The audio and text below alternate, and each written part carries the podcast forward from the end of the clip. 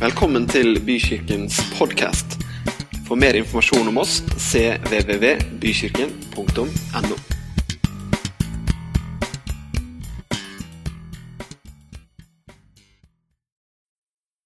Takk, Herre, for at vi kan få lov til å være her i ditt sted, Herre. Takk for at vi kan få lov å søke deg, og takk for at du har noe til oss i dag, Herre. Takk for din inspirasjon, takk for din glede, og takk for din enorme kjærlighet til oss. Amen. Vi har jo vært i eh, kjærlighetens uke i 100 dager med Jesus.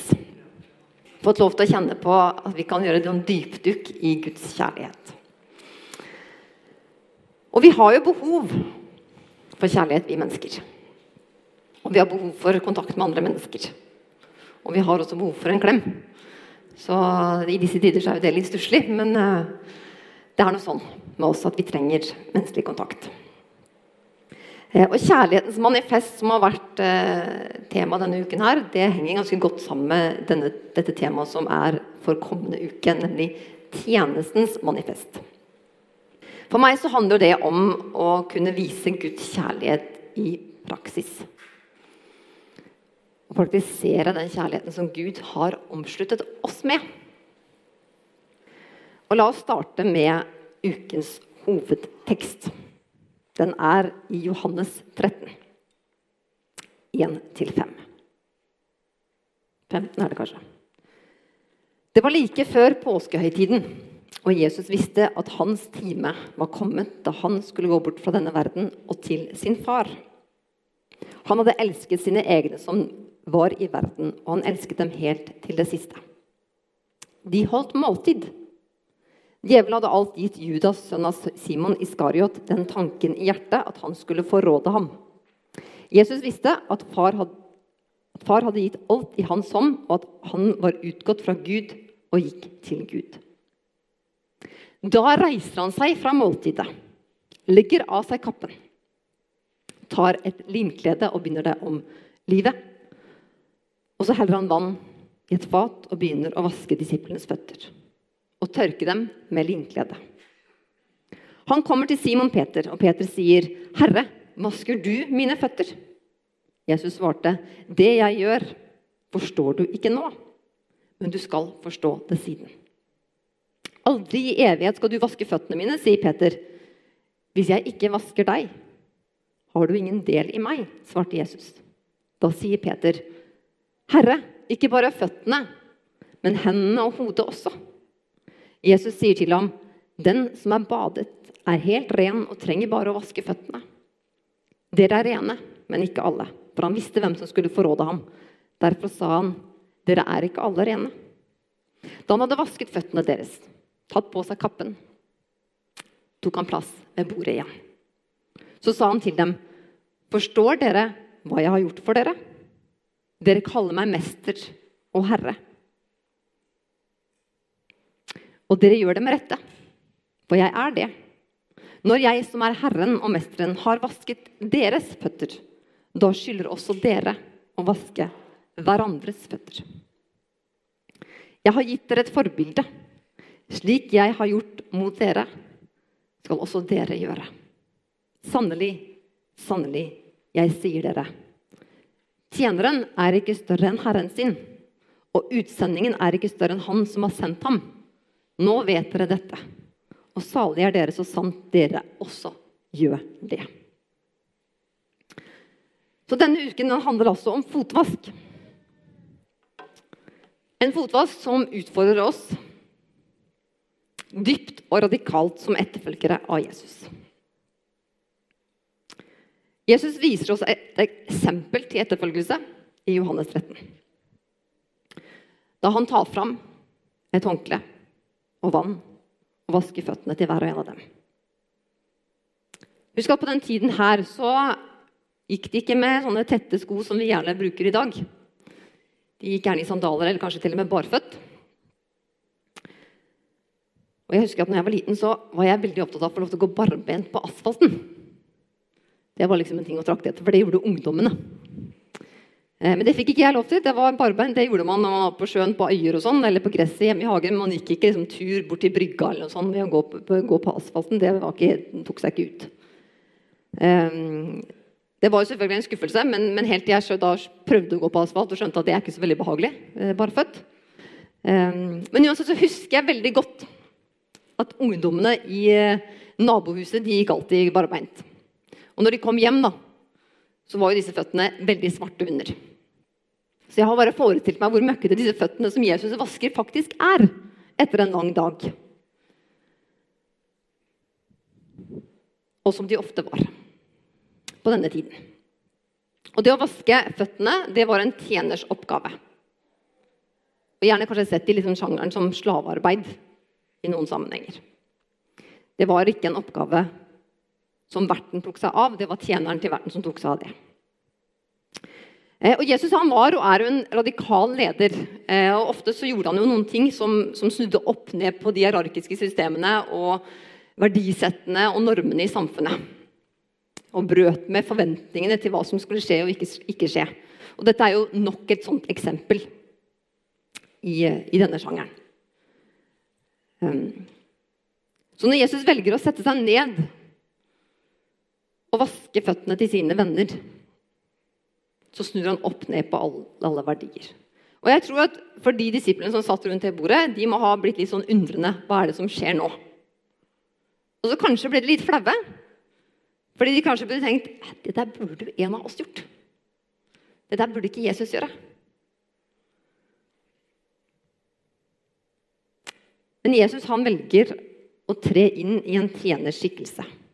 Og sier med det at alle mennesker er like viktige for Gud. Og så er det noe med denne symboleffekten som er ganske sterk. da. For en god del år tilbake så var jeg i Mali eh, og besøkte mm, noen demokratiprosjekter. Og En kveld så var vi med ut sammen med en lokal teatergruppe som danset og hadde teater, og, og gjennom det fortalte befolkningen um, hvor viktig det var å delta i det å stemme og behandle kona si bra. Um, og hadde en del sånne konkrete eksempler. På slutten så inviterer denne teatergruppen oss til å bli med og danse. Eh, for oss så var det litt sånn, Vi var unge jenter og syntes det var gøy å bli invitert med. Og gjorde dette mer enn gjerne. Um, og I ettertid så kom det en dame bort til oss. En, eh, en kvinne som var valgt inn i et sånt kommunestyre. Der. Eh, og kom bort til oss og viste en så enorm takknemlighet som vi ikke forsto. For hun eh, opplevde at det vi gjorde, var å gi en så stor anerkjennelse til det oppdraget og det de gjorde med denne teatergruppen, ved at vi valgte å danse med de. Um, den symboleffekten var så stor at det ville ha en rekkevidde langt utover det vi kunne forstå der og da.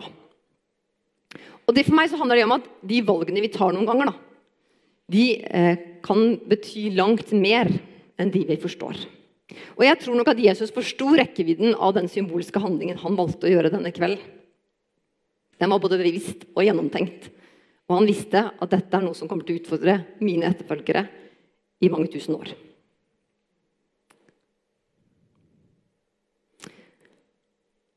Og Når Jesus setter seg ned med, med vann og et glede, så viser han også hvordan alle oppgaver og tjenester i møte med våre medmennesker er like viktige. Og jeg har forestilt meg det å være i den, eh, den jobben, eller være, den tjeneren som vanligvis gjør denne vasken av gjester. Og så tenker jeg at hvis jeg hadde sett Jesus gjøre den jobben, så tror jeg aldri jeg hadde gjort den oppgaven igjen samme, på samme måte. Um, jeg tenker at Den jobben er ikke like tung å gjøre i etterkant. Fordi Jesus har sagt at denne jobben, denne er viktig. Og han gjør den jobben til en vakker handling fullt av kjærlighet. Så står denne handlingen her også litt sånn i, i likestillingens navn. Gud gjør ikke forskjell på folk. Sier ikke at noen er viktigere enn noen andre. Um, og Jeg kunne for så vidt tatt en egen tale om akkurat det. Uh, om Jesus som den radikale likestillingspåkjemperen, men det, det, skal vi ta en annen gang. Um, men hvordan ville dette, dette, sett ut i dag? Det er veldig mange som, eh, som i disse dager eh, eh, planlegger seg en campingferie. Og så tenker jeg at hvis, hvis, du da har kjøpt en ny campingvogn og er på campingferie, så får du besøk av noen folk. Eh, så plutselig så bestemmer denne gjesten seg for nei, jeg tar, jeg tar og tømmer septiktanken din. Ja. Det føles jeg som en, en, riktig ting å gjøre. Eller at når du får besøk hjemme hos deg, så setter du deg ned og spiller og leker med ungene dine. Eller gjør noe annet hyggelig. Og så tar gjestene vaska huset, toalettet, badet. Ja, ikke sant? Det hadde vært veldig fint om det skjedde. Jeg bare prøver å så inn noen sånne gode tanker her. Men de fleste av oss vil jo synes at det ville vært veldig veldig rart. Vi vil si, nei, nei, nei, nei, sett deg ned nå. nå ta deg en kopp kaffe. Um, og jeg vet ikke når du bokstavelig talt vasket føttene til noen sist. Det er ikke så veldig vanlig å gjøre lenger. Uh, vi tar som oftest ansvar for det selv. Men jeg husker veldig godt Jeg hadde vært på skøytetur sammen med søsteren min og to venninner. Um, vi ble kjent faktisk med den kirka her. Og vet ikke om noen av dere husker liksom, følelsen av å gå på skøyter når det er så kaldt. og det er nesten, ikke, det er, Uansett hvor mange ullsokker du får plass til i den skøyta, så, så, blir du kald. Um, og Jeg husker at jeg kom hjem og hadde så vondt i tærne. Jeg kunne ikke kjenne de føltes bare som store klumper liksom, der ute. Og jeg husker veldig godt at min søster hun fylte et varmt kar og ga meg. Og det var en veldig hyggelig ting. Um,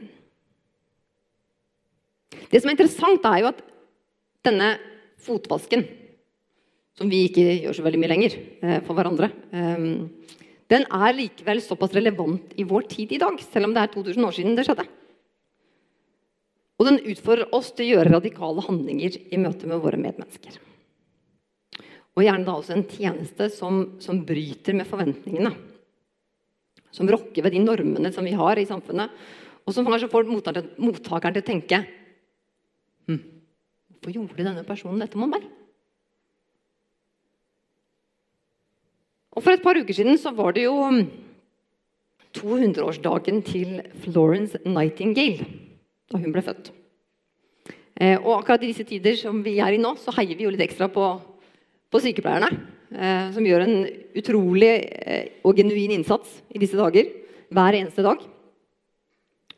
De gjør det ellers også, men akkurat nå i disse koronatider så blir man liksom litt mer eh, oppmerksom på det. Men, men, Florence Nightingale var jo vår grunnleggeren av sykepleierfaget, kanskje litt sånn som vi kjenner det i dag. Og det er ganske relevant å tenke at hennes valg for 200 år siden ja, litt, litt, mindre enn 200 nå. Eh, det var både radikalt og livsforvandlende for henne, men for veldig mange mennesker i etterkant. Så Tenk deg hvor mange mennesker som har, som har blitt forandra av den, den, hennes engasjement. Hun var ikke ment til å bli sykepleier. Hun skulle gifte seg med en rik mann. Eh, gå på selskap og tebesøk og Gjerne klatre på den sosiale rangstigen, enda litt høyere enn der hun var eh, født inn. Så det å bli sykepleier for, for Florence Nightingale, det var, eh, det var helt egentlig ut av det blå. Og så skal man huske på på denne, dette tidspunktet så var det å bli sykepleier eh, det var ikke et anerkjent yrke. Det var litt på samme sjangeren som eh, prostituerte. Så det å, å, gå til sin familie og si 'jeg skal bli sykepleier', det, det var nok ikke helt eh, populært. Men hun opplevde det som et kall. Hun ville endre måten hun så man behandlet syke og skadde mennesker. Og det engasjementet og det som må ha vært en stor porsjon av stahet, skapte helt utrolige endringer i både overlevelsesrater og en helt ny måte å møte syke mennesker på. Og Lady with the Lamb, som ofte hun ble kalt, hun forsto hvor viktig det var å møte personen. Mennesket som lå i sykesengen. Og Hver kveld så gikk hun fra seng til seng med en lampe for å se til de syke. Når arbeid, den lange arbeidsdagen var over. Bokstavelig talt et lys i mørket. Snakk om uselvisk gjerning og snakk om å ta fotvasken på alvor. Hun snudde også på datidens hierarkiske system. Hun brøt med foreldrenes og samfunnets forventninger til henne. Hun bytta ut eh, teselskaper og fine kjoler og selskapeligheter med død og fordervelse, råtten lukt og mm, møkk og blod. Og så spør du meg. Jeg blir ikke noe Florence Nightingale. Eller en som kanskje radikalt vender opp ned på, på samfunnet eller et fagfelt. Og det tror jeg ikke Gud forventer heller. Det er vi, du og jeg, som må finne ut hva som er vår tids fotvask. Min fotvask og din fotvask. For det å innta en tjeners holdning Det behøver ikke å bety at man skal ofre hele sin tilværelse og forandre alt i livet. Men å være en tjeners skikkelse handler kanskje mye nettopp det om å innta en holdning. Den dagen som Jesus står opp fra graven, så går Maria Magdalena og Maria til graven for å stelle Jesu kropp. Ikke bare er de modige som trosser frykten for kanskje en type represalier eller kommentarer eller noe fra folk som tenkte at ja, Jesus fortjente å dø, ikke, ikke stell kroppen hans. Men de går også til graven for å stelle en kropp. De forventer ingenting i retur. Det er ingenting å hente når de går for å stelle Jesu kropp. Ingen komplimenter, ingen gjenytelse, ingen gave tilbake. Men likevel så går de. Deres indre motivasjon den er preget av dedikasjon, overgivelse, uten forventning. Og så er det jo sånn at det er gjerne hyggelig å gjøre noe hyggelig mot andre. For, for ofte så får man jo kanskje en klapp på skulderen eller en, et hyggelig kompliment. Eller kanskje man får en gjenytelse en annen gang når man trenger det. Eh, det er ikke like fristende å, å yte tjenester til noen som ikke setter pris på det. Um, når vi kjørte hit, så, lå jeg bak en annen bil eh, som hadde en sånn stor greie bak på bilen som, med noen bilder av en annen tegneseriefigur som var litt aggressiv. Og så sto det 'back off'. Eh, og det er noen ganger man kan føle at noen mennesker bare ikke kom her og gi meg noe, gjør meg noen tjeneste. Hold deg unna.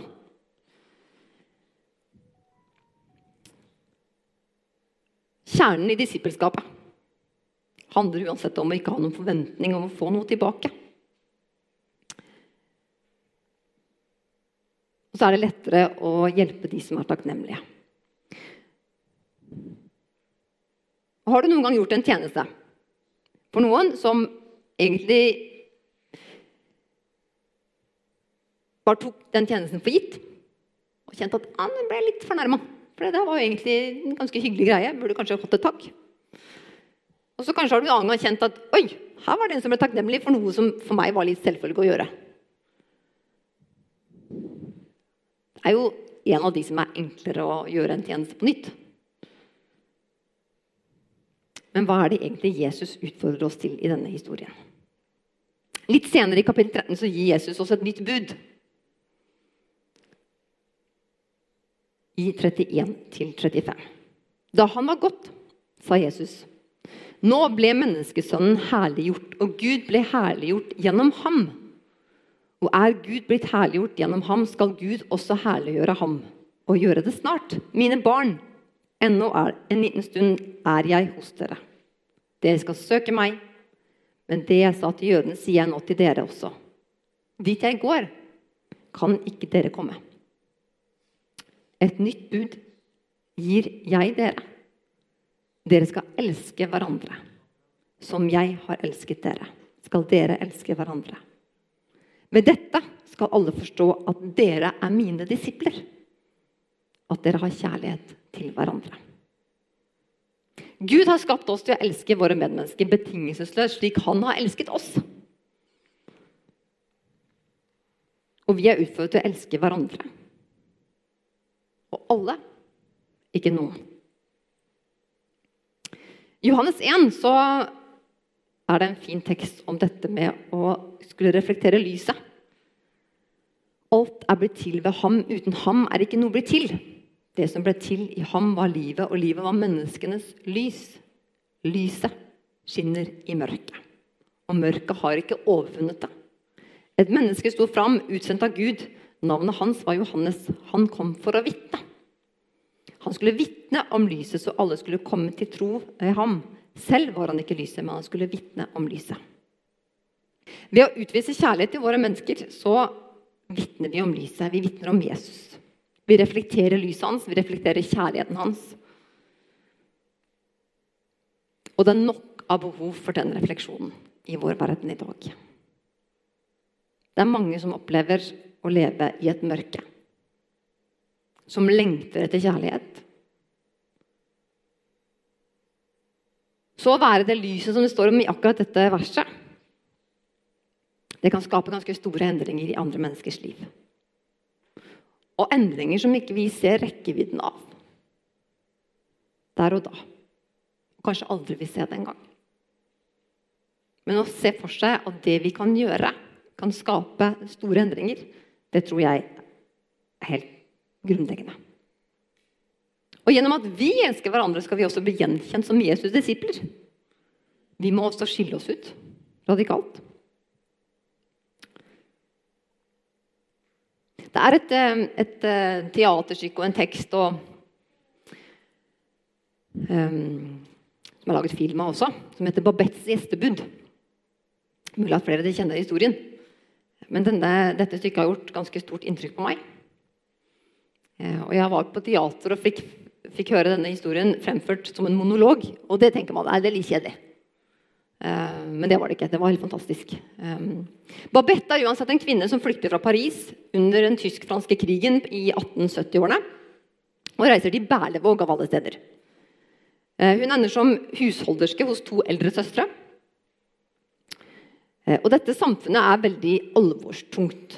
Det er strengt religiøst, og de bærer et alvor over seg alle sammen. Det er ikke, det er ikke vanlig med latter og smil. Eh, og Babette hun kommer fra Paris, hvor hun har arbeidet som gourmetkokk på en anerkjent restaurant. Og, og råvarene som det er tilgang på i Berlevåg, det er ikke helt i samme sjanger som Paris. Eh, og så vinner Babette i et lotteri. 10 000 franc. Og På dette tidspunktet så skal søstrene som hun bor hos, de skal feire 100-årsdagen til sin far, som har vært prost i eh, deres eh, lokale menighet som nok eh, hele samfunnet hadde, en, hadde et sterkt forhold til. Og Hun bestemmer seg for at når de skal feire denne dagen, så vil hun lage et utsøkt måltid til disse personene. Og Hun får bestilt råvarer fra hele verden.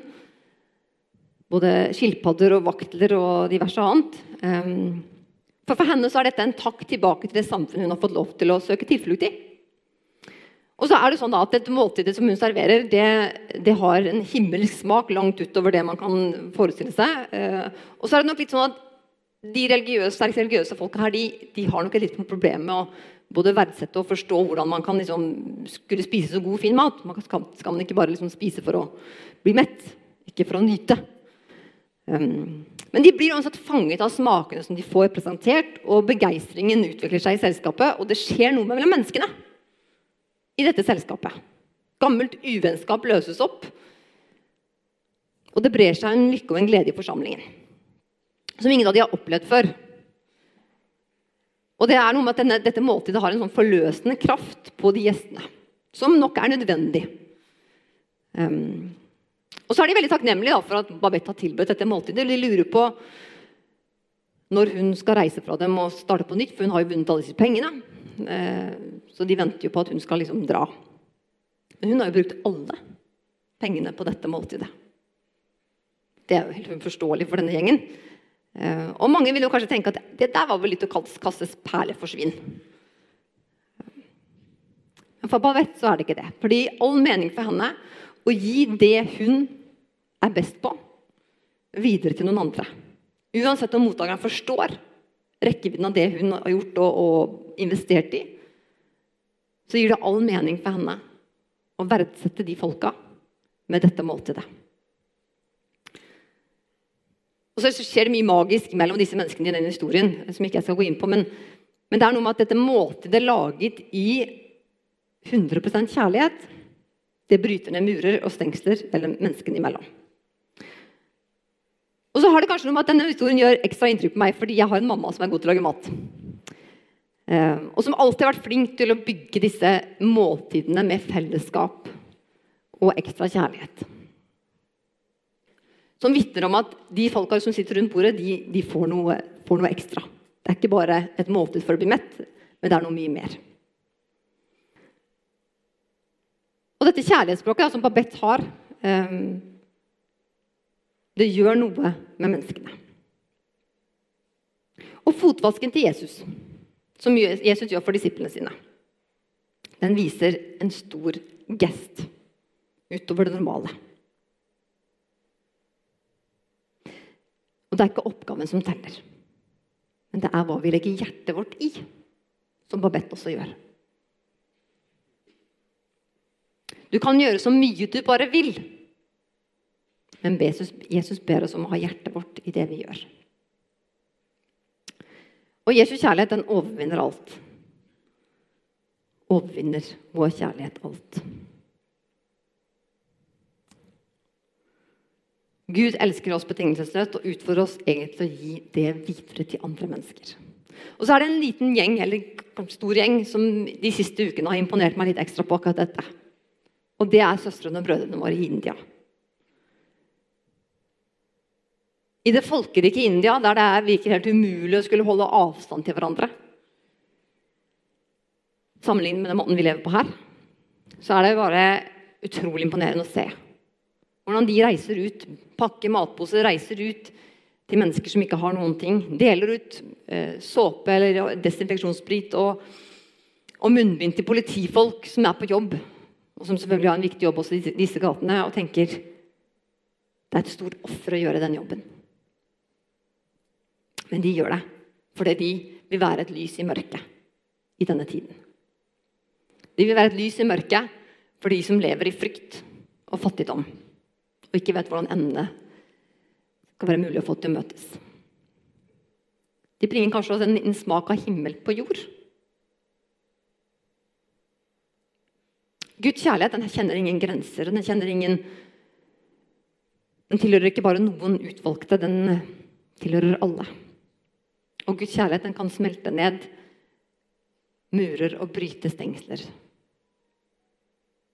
Guds kjærlighet skaper noe nytt. Å være Guds tjener det har en kraft, kraft i seg til å skape forandring. Kanskje ikke den dramatiske forandringen sånn med en gang, men over tid. Og så er det kanskje noe med at vi ikke skal jakte så mye på forandringer, men heller stole på at Guds kjærlighet skaper forandring. Og la oss være et redskap for den kjærligheten. Og så er det noen som lurer på hvorfor jeg har tatt med den posen her. Jo, jeg har noen elementer som jeg tenkte jeg skulle, skulle vise dere. Som har med fotvask å gjøre, men som kanskje egentlig skal være et, et forsøk på å tenke at vi får noe fra Gud som vi kan bringe videre. Så det er ikke sånn at man skal stå og gjøre dette i egen kraft. Og vannet, da. For i et fotbad da er det noen elementer man bør ha med for å liksom gjøre et fotbad eh, vellykket. I mine øyne, i hvert fall. Det er fire ting som jeg tenker er viktig. Vann. Veldig dårlig, dårlig deal uten vann. Og For meg så er det det å være overstrømmende med Guds kjærlighet. For Guds kjærlighet går aldri tom. Det renner på nytt og på nytt. Vi kan søke påfyll hos Han når ikke det, vi ikke føler at vi har så mye overskudd selv. Og så er det da sånn salt til å ha i dette vannet. Er det litt stusslig med sånn fotball som bare er vann? Bare fin med litt sånn ekstra lukt. Som har litt sånn ekstra effekter. Jeg kan sette den her, så dere kan huske det. Vær overraskende. Gjør noe som folk får til å tenke Hæ? Hvorfor i all verden yter denne personen denne tjenesten for meg? Det lille ekstra som får folk til å tenke akkurat den der, det var overraskende. Det blir merkbart. Så må man gjerne tørke da, når man er ferdig med et, et fotbad. Og for meg så er det liksom å være omsorgsfull. Tørke, varme. Vi trenger alle et varmt blikk, en god klem når vi får lov til det. At noen setter pris på oss. Vær omsorgsfull sånn som Gud ville vært det. Og så til slutt eh, bør man liksom avslutte med en krem. Og for meg så er det å omslutte. Omslutte noen andre i den kjærligheten. Innkapsle i den kjærligheten som Gud har til oss. For det gjør hjertene myke. Og vi vet når vi blir utfordret til å leve litt utenfor de grensene som vi føler er liksom vår komfortsone. Når vi kjenner at 'Å, det der burde jeg gjort', men jeg har så lite lyst. Så denne uken her så tenker jeg at vi utfordrer hverandre til å tenke hvordan kan vi gå det lille ekstra skrittet for å vise Guds kjærlighet til noen? Hvem skal du møte med litt ekstra omsorg og varme, selv når du ikke føler helt for det? Og så kan vi se på denne, denne, denne utfordringen med fotvasken som noe som er uoverkommelig og overveldende, eller noe som er ganske enkelt. Gud ser hjertet vårt, så når vi sier 'Jeg vil gå dit i din kjærlighet', Bruk meg bare sånn som du kan. Så får vi anledninger til å være en tjener i møte med andre. Og det er egentlig ikke verre enn at vis at du bryr deg. Vis at du er glad i noen. Og la oss fylle oss med den kjærligheten som Gud har til oss, slik at det kan renne over videre. Og Jeg har lyst til å avslutte med å lese 1. Korint 13. Kjærlighetens vei. Og jeg vil vise dere en enda bedre vei. Om jeg taler med menneskers og englers tunger, men ikke har kjærlighet, da er jeg bare en drønnende malm eller en klingende bjelle. Om jeg har profetisk gave, kjenner alle hemmeligheter og eier all kunnskap. Om jeg har tro, så jeg kan flytte fjell, men ikke har kjærlighet, da er jeg intet. Om jeg gir alt jeg eier til brød for de fattige, ja, om jeg gir meg selv til å brennes, men ikke har kjærlighet, da har jeg ingenting vunnet. Kjærligheten er tålmodig. Kjærligheten er velvillig. Den misunner ikke, skryter ikke, er ikke hovmodig. Kjærligheten krenker ikke, søker ikke sitt eget, er ikke oppfarende og gjemmer ikke på det onde. Den gleder seg ikke over urett, men har sin glede i sannheten. Kjærligheten utholder alt. Tror alt, håper alt, tåler alt. Kjærligheten tar aldri slutt. Profetgaven skal bli borte, og tungene skal tie, og kunnskapen forgå. For vi forstår stykkevis og taler profetisk stykkevis. Men når det fullkomne kommer, skal det som er stykkevis, ta slutt. Da jeg var barn, talte jeg som et barn, tenkte jeg som et barn, forsto jeg som et barn. Men da jeg ble voksen, la jeg av det barnslige. Nå ser vi i et speil i en gåte. Da skal vi se ansikt til ansikt. Nå forstår jeg stykkevis, og da skal jeg erkjenne fullt ut. Slik Gud kjenner meg fullt ut. Så blir stående disse tre. Tro, håp og kjærlighet. Størst blant dem er kjærligheten. Gå i fred og tjen Herren med glede.